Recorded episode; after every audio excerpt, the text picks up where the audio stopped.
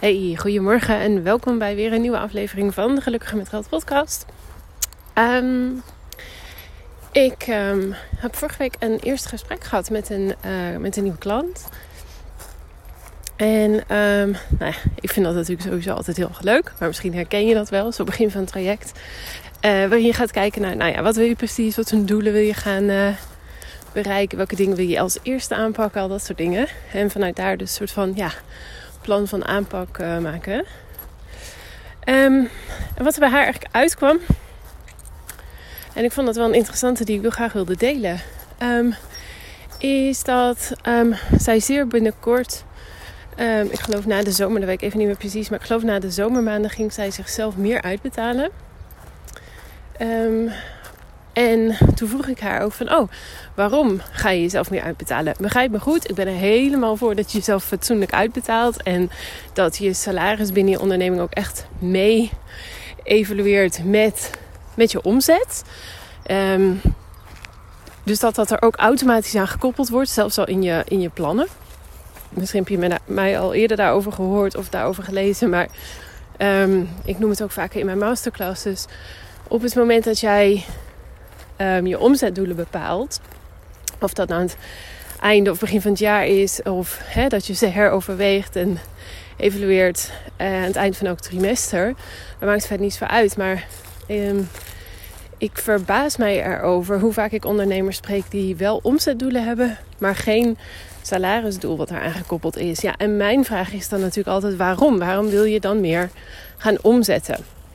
Natuurlijk is het hartstikke leuk en natuurlijk is het hartstikke tof als je kan zeggen: Oh, hè, ik heb mijn omzet uh, verdubbeld over zoveel tijd. Maar uiteindelijk moet er natuurlijk ook voor jou zelf in de vorm van salaris iets uitkomen. En niet alleen maar, ja, ik ben aan het investeren in mijn bedrijf. Dat is wel prima voor hè, bepaalde momenten of misschien het aller, allerbeginst. Maar op een gegeven moment nou ja, moet je salaris dus wel met je onderneming mee evalueren.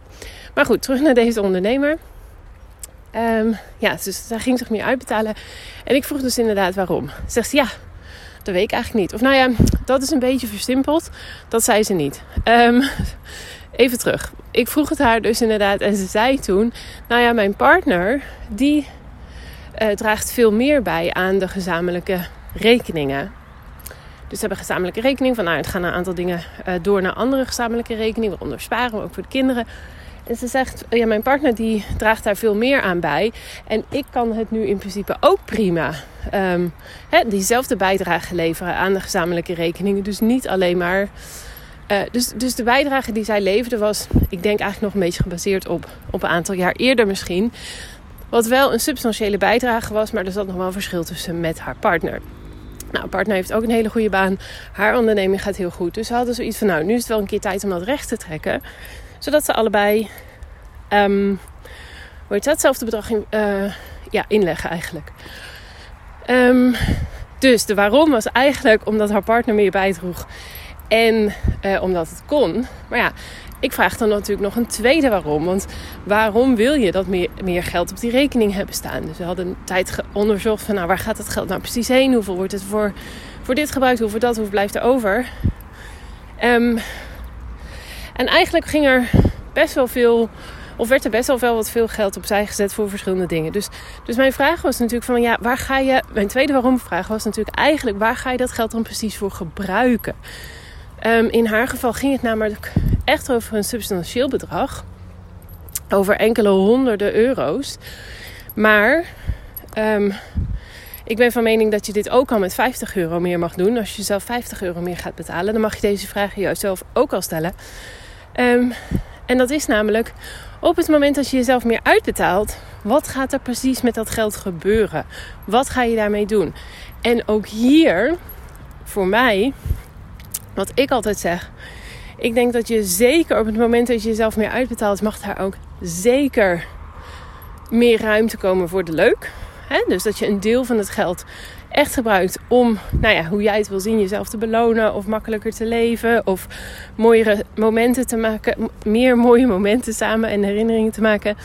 Um, dus dat zeker, of dat nou is in de vorm van een weekendje weg of een lunch uit of, of jezelf een mooi boek kopen, wat dan ook. Maar op het moment dat je er dus geen plan van maakt, loop je het gevaar dat al het geld dat je zelf extra uitbetaalt, alleen maar naar die dingen gaat. Nou, en dan nogmaals, ik pak hem even terug op die 50 euro. Misschien betaal je jezelf 50 euro extra uit. En denk je, ja, dat is ook wel prima als dat naar de leuk mag. Want ik moet ook wel echt heel erg op alles letten. En ik kan ook bijna niks voor mezelf en dat soort dingen. Maar goed, waar ligt dan de grens? Als je dat niet al bij 50 euro doet, hè, dus bedenk echt van, nou ja, gaat al mijn geld echt naar de leuk? Of mag ik er ook 20% of 30% of 60% van opzij houden? Om bijvoorbeeld in pensioen te investeren, om bijvoorbeeld te beleggen, om bijvoorbeeld opzij te zetten voor die mooie droom die we hebben. Namelijk het kopen van een nieuw huis of um, een wereldreis bijvoorbeeld. Nou, um, want inderdaad, als je dat dus niet met 50 euro doet, doe je het dan wel met 100 euro. Doe je het dan wel met 200 euro? En waar ligt dan inderdaad die grens? Nou, ik kan je dus vertellen in het geval van deze klant. En hier hebben we het dus echt over enkele honderden euro's.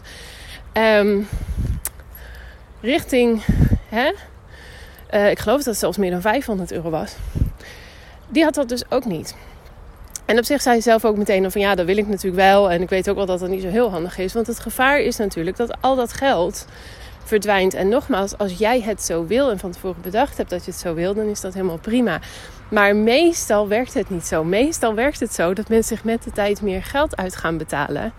En dan na verloop van tijd, als ze zich af gaan vragen van ja, waar heb ik dat geld eigenlijk voor gebruikt? Dat dan helemaal niet weten. En dat betekent gewoon, ja, dan kom je eigenlijk weer terug op die, wat in het um, Engels zo mooi lifestyle inflation of lifestyle creep noemen.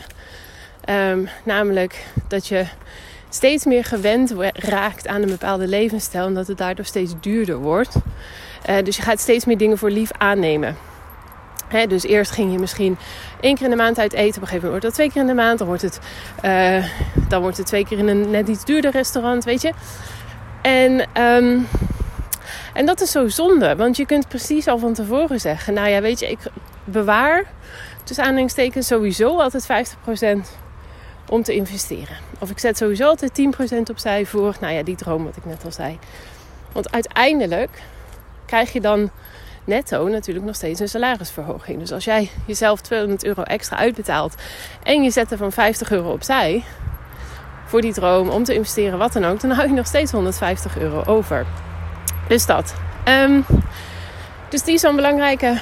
En um, nou ja, wat ik al zeg, en je hebt het me vast al eerder horen zeggen, maar op het moment dat je jezelf uit gaat betalen en nog geen plan hebt, dan ben je eigenlijk al veel te laat. Want eigenlijk mag je die echt nog drie stappen eerder jezelf die afvragen. Namelijk op het moment dat jij echt kijkt naar die omzetdoelen. Dus je omzetdoelen verhogen voor komend trimester, bijvoorbeeld voor komend uh, kwartaal.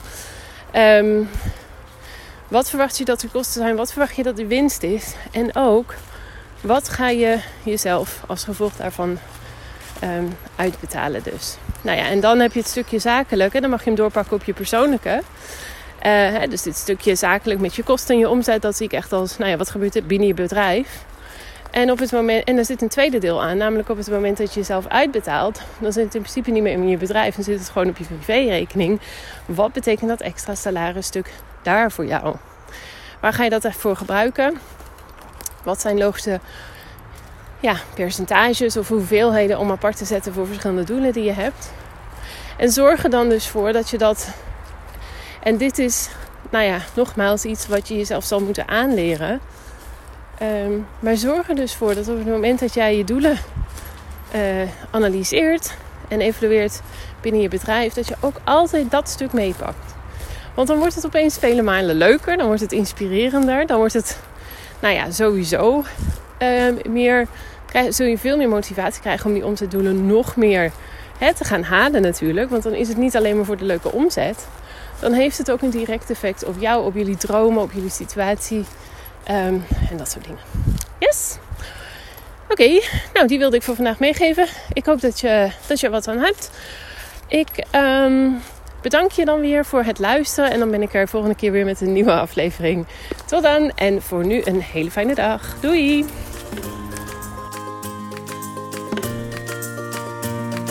Dankjewel weer voor het luisteren naar deze aflevering van de Gelukkiger met Geld podcast.